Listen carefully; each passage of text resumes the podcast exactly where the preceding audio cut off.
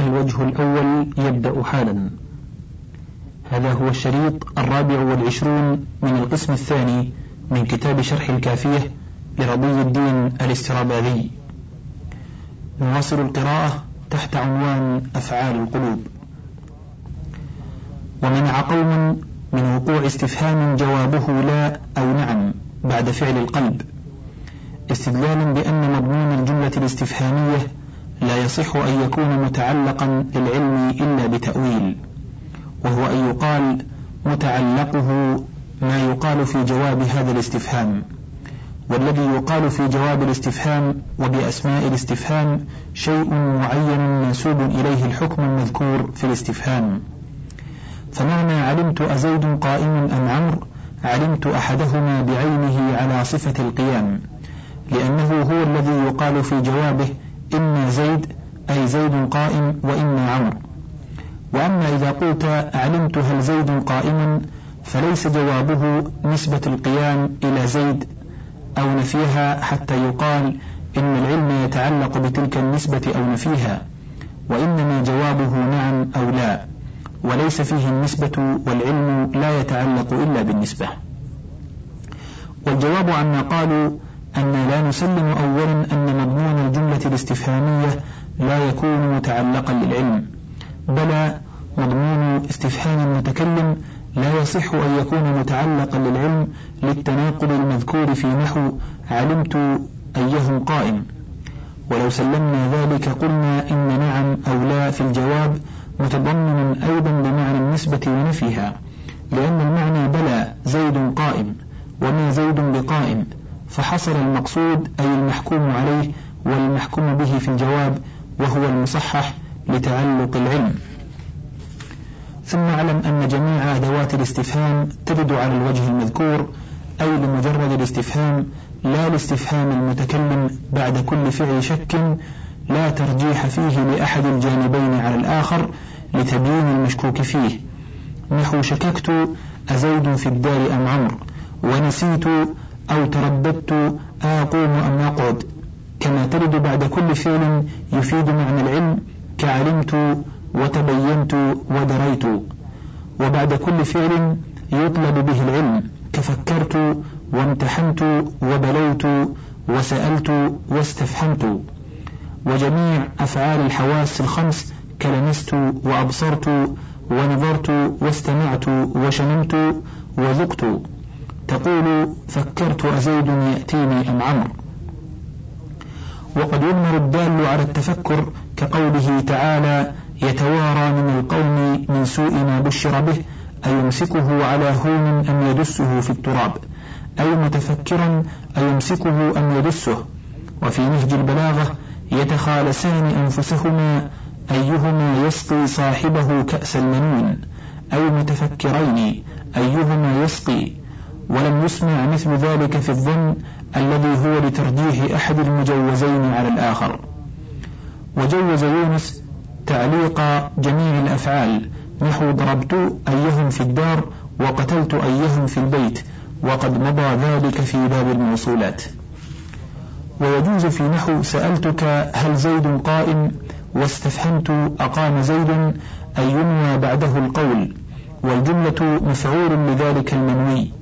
على ما هو مذهب البصريين أو يضمن السؤال معنى القول فيلحق به في الحكاية بعده على ما هو مذهب الكوفيين كما يجيء بعد من مذهب الفريقين. فنقول الجملة بعد الفعل المعلق في موضع النصب وهي إما في موضع مفعول ينصب بنزع الخافض وذلك بعد كل فعل يفيد معنى الشك نحو شككت أزيد في الدار أم عمرو؟ أي شككت في هذا الأمر. أو في موضع مفعول تعدى إليه الفعل بنفسه إما لاقتضاء الفعل إياه وضعا وإما لتضمن الفعل ما يقتضيه والأول صريح العلم والمعرفة. وهذا الفعل إما أن يطلب مفعولا واحدا نحو عرفت هل زيد في الدار فالجملة المعلق عنها في موضع مفعوله أي عرفت هذا الأمر وإما أن يطلب أكثر فتكون تلك الجملة إما في مقام المفعول الأول والثاني نحو علمت هل زيد في الدار أو في مقام الثاني والثالث نحو أعلمتك هل زيد في الدار أو في مقام الثاني وحده نحو علمت زيدا أبو من هو. وكذا قوله تعالى وما أدراك ما يوم الدين لأن أدرى يتعدى إلى مفعولين كأدريتك الحق. وإن كان بمعنى أعلم أو في مقام الثالث وحده نحو أعلمتك زيدا أبو من هو. وأما الثاني أي المتضمن لمعنى العلم فهو كل فعل ذكرنا أنه مما يطلب به العلم نحو فكرت هل زيد في الدار. فإن فكر لازم وضعا لكن يتعدى إلى مفعول لتضمينه معنى تعرف أي تعرفت هذا الأمر بالتفكير فيه. وكذا قولك انظر إليه أقائم أم قاعد؟ أي تعرف هذا الحكم بالنظر إليه. ورفع زيد في مثل انظر وسل وزيد أبو من هو لكونه بمعنى انظر وسل أبو من زيد. أهون من رفعه في نحو اعلم زيد أبو من هو. لأن انظر الذي بمعنى تفكر وسل الذي بمعنى سل الناس لا ينصبان زيدا لو سلطتهما عليه كما ينصبه أعلم إذا سلطته عليه. وكذا الحكم إن كان الفعل المطلوب به العلم متعديا بالوضع تعطيه من المفاعيل ما اقتضاه وضعه ثم تجيء بالجملة المعلق عنه في موضع المفعول الزائد له بسبب تضمينه معنى التعرف. نحو امتحنت زيدا هل هو كريم؟ أي تعرفت كرمه بامتحانه. وأبصرت زيدا هل هو في الدار؟ أي تعرفت كونه في الدار بإبصاره. وكذا قوله تعالى يسألونك عن الساعة أيام مرساها أي يترقبون وقت إرسائها بسؤالك عنها. وهذا كما قلنا في المفعول المطلق في عمرك الله أن الكاف مفعول أصل الفعل والله مفعول الفعل المضمن. وقد تكون الجملة المعلق عنها بدلا مما قبلها نحو شككت في زيد هل هو قائم أو لا؟ أي شككت في قيامه فهي في محل الجر وتقول عرفتك الحال أزيد في الدار أم عمرو؟ فهي في محل النصب بدل من الحال. وكذا عرفت زيدا أبو من هو الجملة فيه بدل من زيدا. هذا وقد أوجب الأخفش إن زيدا لظننت أخوه قائما. قال وإنما لم يجز لظننت أخاه قائما لأن اللام للابتداء فلا تدخل على الماضي كما يجيء في باب إن فهي في التقدير داخلة على أخوه كأنك قلت ظننت لأخوه قائم وأما الإلغاء والتعليق في أعلم وأرى عن المفعولين الأخيرين فالظاهر كما ذهب إليه ابن مالك أنه يجوز الإلغاء والتعليق بالنسبة إليهما كما جاء ذلك في علم ورأى تقول أعلمتك لزيد منطلق وأزيد قائم أم عمر وما زيد قائما؟ وزيد أعلمتك قائما وزيد قائم أعلمتك. وكان الحكم إذا بنيت باب أعلم لما لم يسمى فاعله. نحو أعلمت ما زيد قائما وزيد أعلمت قائما. وقال الأندلسي الذي أعول عليه امتناع التعليق والإلغاء بالنسبة إليهما. وفي بعض نسخ الجزولية ما يدل على أنك إذا بنيت الفعل للفاعل امتنع إلغاؤه وتعليقه وإذا بنيته للمفعول جاز. والذي أرى أنه لا منع من الإلغاء والتعليق سواء بني الفعل للفاعل أو للمفعول. وقال ابن جعفر لو ألغيت فقلت زيد أعلمتك قائما أو علقت فقلت أعلمتك لزيد قائم لحصل الإلغاء والإعمال في حالة واحدة لأنه لا بد من إعماله في المفعول الأول وكذا يحصل التعليق والإعمال في حالة واحدة. وليس ما قاله بشيء لأن إعماله بالنسبة إلى شيء وإلغاؤه أو تعليقه بالنسبة إلى شيء آخر فهو مثل زيد علمت قائما. أعملته في الفاعل وألغيته عن المفعول. وكذا في علمت لزيد قائما أعملته في الفاعل وعلقته عن المفعول. وأيضا المعمل معنى الهمزة أي التصير. والملغى أو المعلق أصل علم فالملغى غير المعمل. واعلم أنه لا خلاف في أنه لا يلغى ولا يعلق عن المفعول الأول إذ هو كأول مفعولي أعطيت. قوله ومنها أنه يجوز أن يكون فاعلها ومفعولها ضميرين لشيء واحد. هذه الأفعال المذكورة في متن الكافية ولفظة هب بمعنى احسب ورأى الحلمية يجوز أن يكون فاعلها ومفعولها ضميرين متصلين متحدي المعنى. نحو علمتني قائما. وقال تعالى إني أراني أعصر خمرا. وكذا إن كان أحدهما بعض الآخر. نحو رأيتنا مع رسول الله صلى الله عليه وسلم ورأيتناك تقول كذا. وقد يجري مجراها رأى البصرية حملا على رأى القلبية. وكذا عدم وفقد حملا على وجد لأنهما وداه في أصل وإنما لم, وإنما لم يجوز ذلك في غير الأفعال المذكورة لأن أصل الفاعل أن يكون مؤثرا والمفعول به متأثر منه. وأصل المؤثر أن يغاير المتأثر فإن اتحدا معنى كره اتفاقهما لفظا. فلذا لا تقول ضرب زيد زيدا وأنت تريد ضرب زيد نفسه. فلم يقولوا ضربتني ولا ضربتنا. وإن تخالفا لفظا لاتحادهما معنى ولاتفاقهما من حيث كون كل واحد منهما ضميرا متصلا. فقصد مع اتحادهما معنى تغايرهما لفظا بقدر الإمكان. فمن ثم قالوا ضرب زيد نفسه لأنه صار النفس بإضافته إلى ضمير زيد كأنه غيره لغلبة مغايرة المضاف للمضاف إليه. فصار الفاعل والمفعول في ضرب زيد نفسه مظهرين متغايرين في الظاهر. وأما أفعال القلوب فإن المفعول به فيها ليس المنصوب الأول في الحقيقة بل هو مضمون الجملة كما مضى. فجاز اتفاقهما لفظا لأنهما ليس في الحقيقة فاعلا ومفعولا به. والقياس جواز ظن زيد زيدا قائما أي نفسه. وأما إن كان أحدهما منفصلا والآخر متصلا فيجوز في غير أفعال القلوب أيضا سواء وقع المنفصل بعد إلا أو معناها أو لم يقع. نحو ما ضربت إلا إياك وإنما نقتل إيانا. وإياك فاضرب وما ضربك إلا أنت. وأما إن كان الفاعل والمفعول متحدين معا وأحدهما ضمير متصل والآخر ظاهر نحو زيد ظن قائما وظنه زيد قائما لم يجز المثال الأول مطلقا وجاز الثاني في أفعال القلوب خاصة. وإن كان الضمير منفصلا جاز مطلقا وقد تقدم جميع ذلك بعلته في المنصوب على شريط التفسير.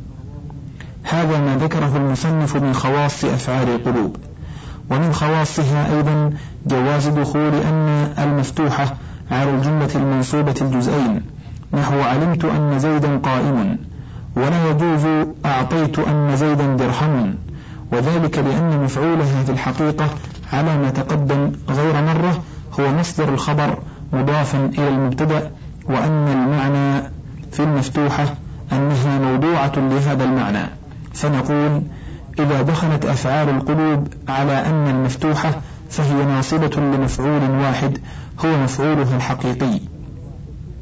ويكثر ذلك إن كان ذلك الفعل مما يقل نسبه لمفعول واحد نسبا صريحا كحسبت وخلت وظننت لأنها لا تطلب في ظاهر الاستعمال إلا مسندا ومسند إليه سواء نصبتهما كما في حسبت زيدا قائما أو لم تنسبهما نحو حسبت أن زيدا قائما إذ مقصود الجزئين المنصوبين هو المصرح به في الجزئين المصدرين بأن.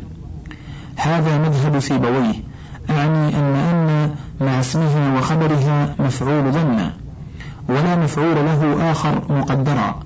والأخفش يجعل أن مع جزئيها في مقام المفعول الأول ويقدر الثاني أي علمت أن زيدا قائما حاصلا. أي قيام زيد حاصلا ولا حاجة إلى ذلك كما بينا. ولو كان مقدرا لجاز إظهاره إذ لم يسد مسده شيء حتى يكون واجب الإضمار ولا نقول إن إن مع جزئيها في تقدير اسم مفرد في جميع المواضع كما يجيء في الحروف المشبهة بالفعل. فكيف تكون في تقدير اسمين؟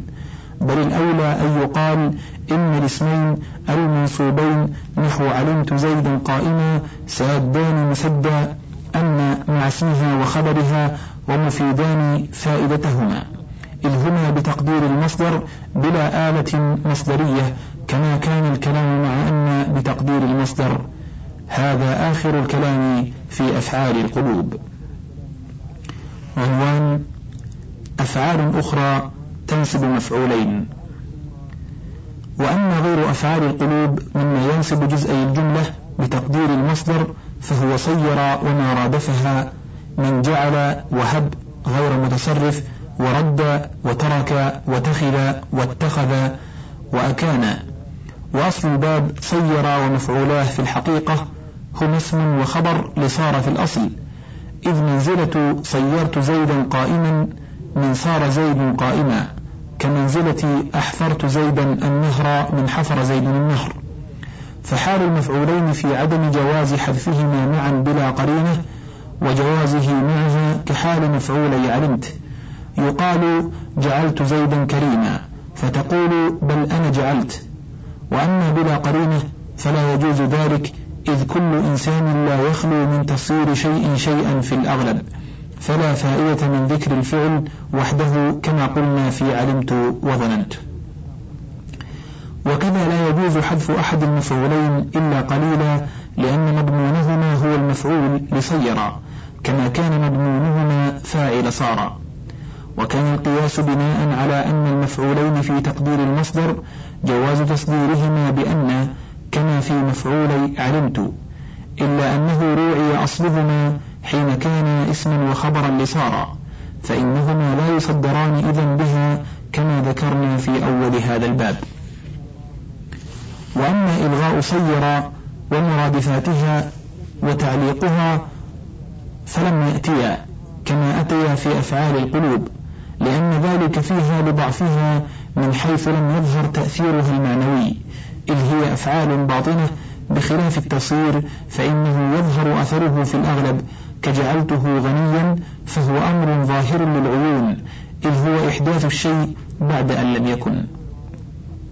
ومرادفات صيرا قد تخرج من هذا الباب وذلك إذا لم تكن بمعناه كقوله تعالى وجعل الظلمات والنور أي خلق ووهب أي أعطى ورده أي جعله راجعا وترك أي خلى وتخذ واتخذ أي أخذ. وأما أكان فهو قليل الاستعمال لكنه لا يجيء إلا بمعنى صير. وذلك لما ذكرنا أن معنى صار كان بعد أن لم يكن. ومعنى أكان جعله كائنا.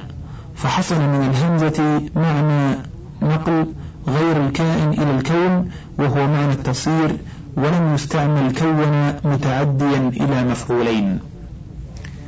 وقد جعل بعضهم ضرب مع المثل بمعنى صيرا كقوله تعالى ضرب الله مثلا عبدا ونحو ذلك وإليه ذهب الأندلسي فيكون مثلا مفعولا ثانيا وعبدا هو الأول أي جعله مثلا أو صاغه مثلا ضرب الخاتم والطين ويجوز أن يقال معنى ضرب مثلا أي بين فهو متعد إلى واحد والمنصوب بعده عطف بيان.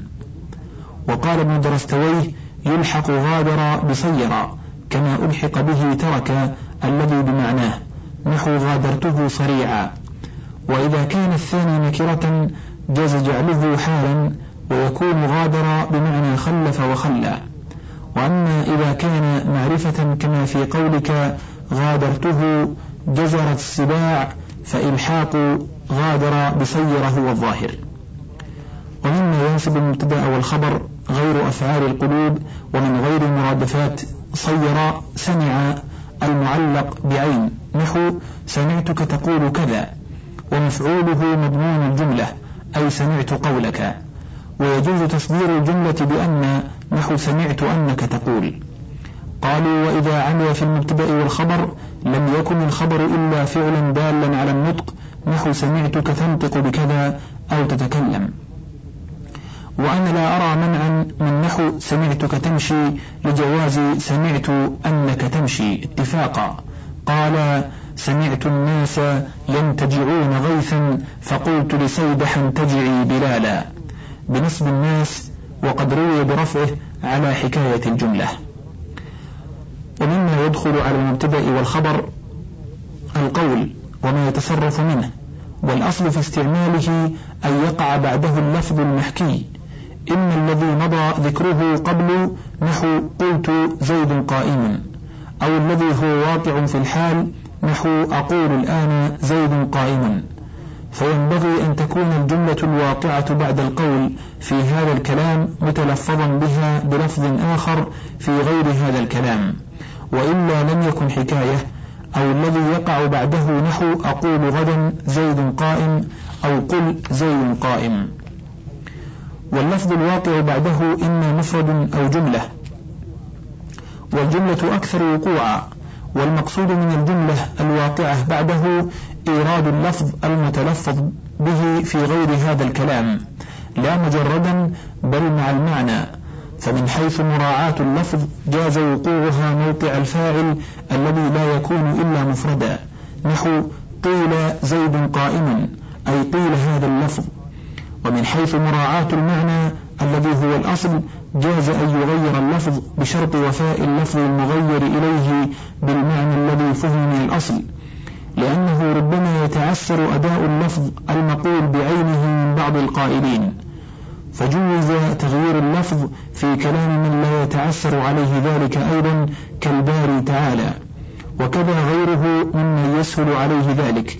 لكن مع تغيير اللفظ يجب أن لا يعمل القول في شيء آخر من أجزاء الجملة إجراء لمثل هذه الجملة مجرى أصلها أي المحكية بأعيان ألفاظها.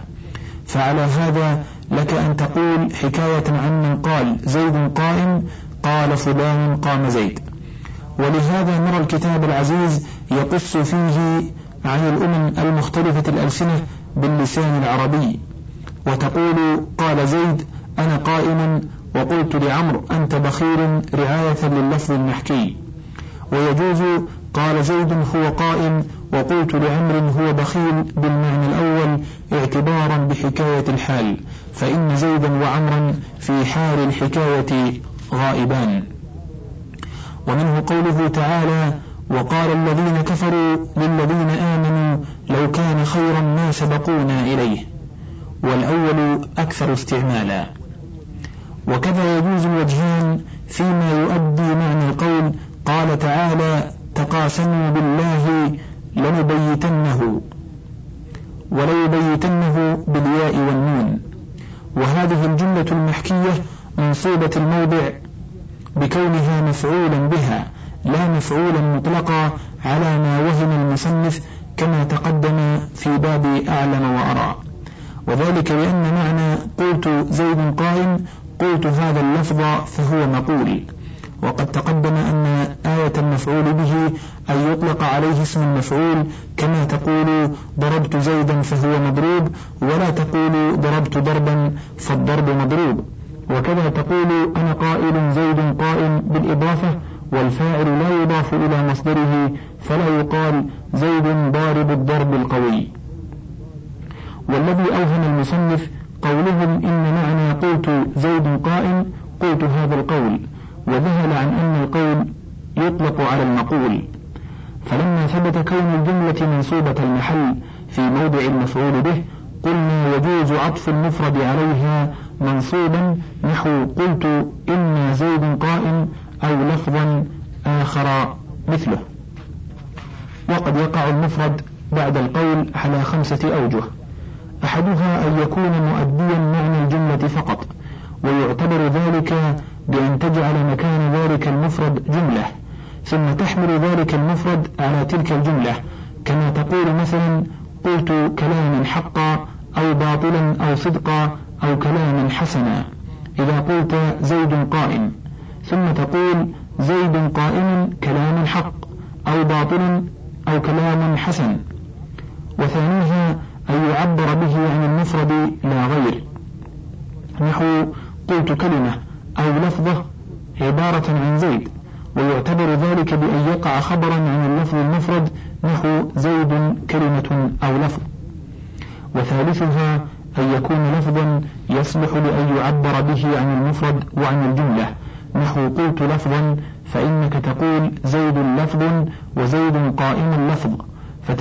فتنصب هذه الثلاثة لأنها ليست أعيان اللفظ المحكي حتى تراعى وليست أيضا جملا مغيرا لفظها اعتمادا على بقاء المعنى كما تقدم حتى يراعى أصلها.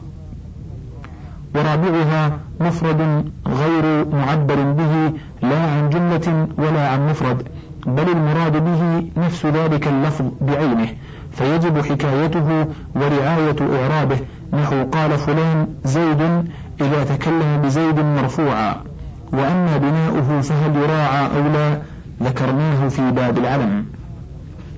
وخامسها مفرد غير معبر به عن جملة ولا مفرد ولا مقصود به نفس ذلك اللفظ فيجب أن يقدر معه ما يكون به جملة كقوله تعالى قال سلام قوم منكرون أي عليكم سلام. قال إذا أقبلت قلت دباءة من الخضر مغموسة في الغدر أي هي دباءة.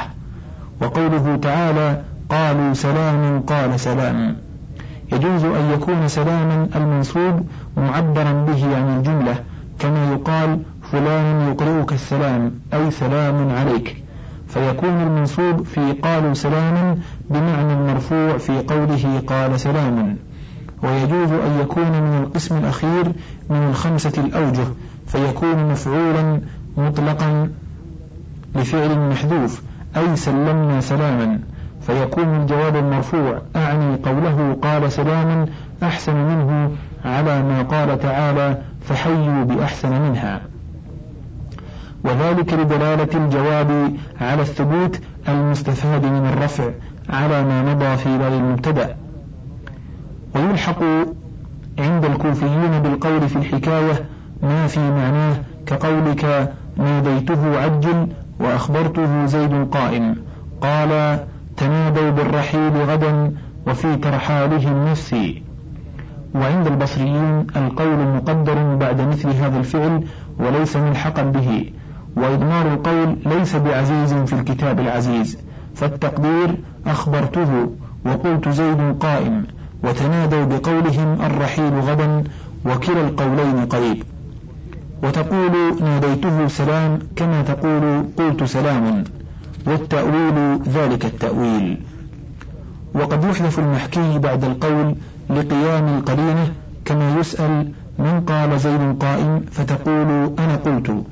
كما يحذف القول ويبقى المحكي كما في قوله جاءوا بمثق هل رأيت الذئب قط.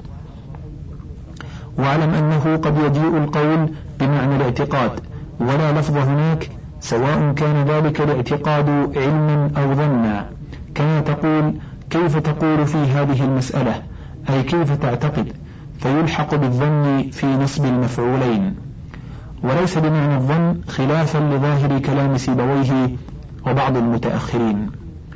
قال المصنف والأندلسي لو كان بمعنى الظن لم يستعمل في العلم.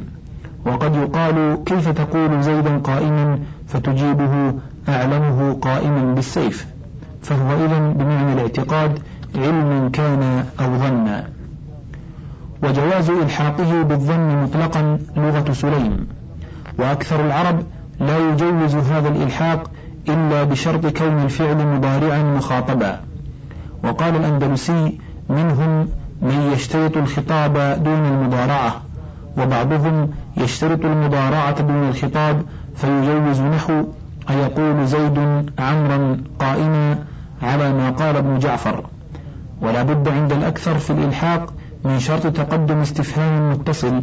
نحو أتقول زيدا قائما أو منفصل بظرف. نحو أقدامك تقول زيدا جالسا وأبي الصوت تقول زيدا ضاربا أو بأحد المعمولين كقوله أجهالا تقول بني لؤي لعمر أبيك أم متجاهلين. فإن نقض بعض الشرائط رجع إلى الحكاية على لغة الأكثر كما ذكرنا وتجوز الحكاية عندهم مع استيفاء الشروط.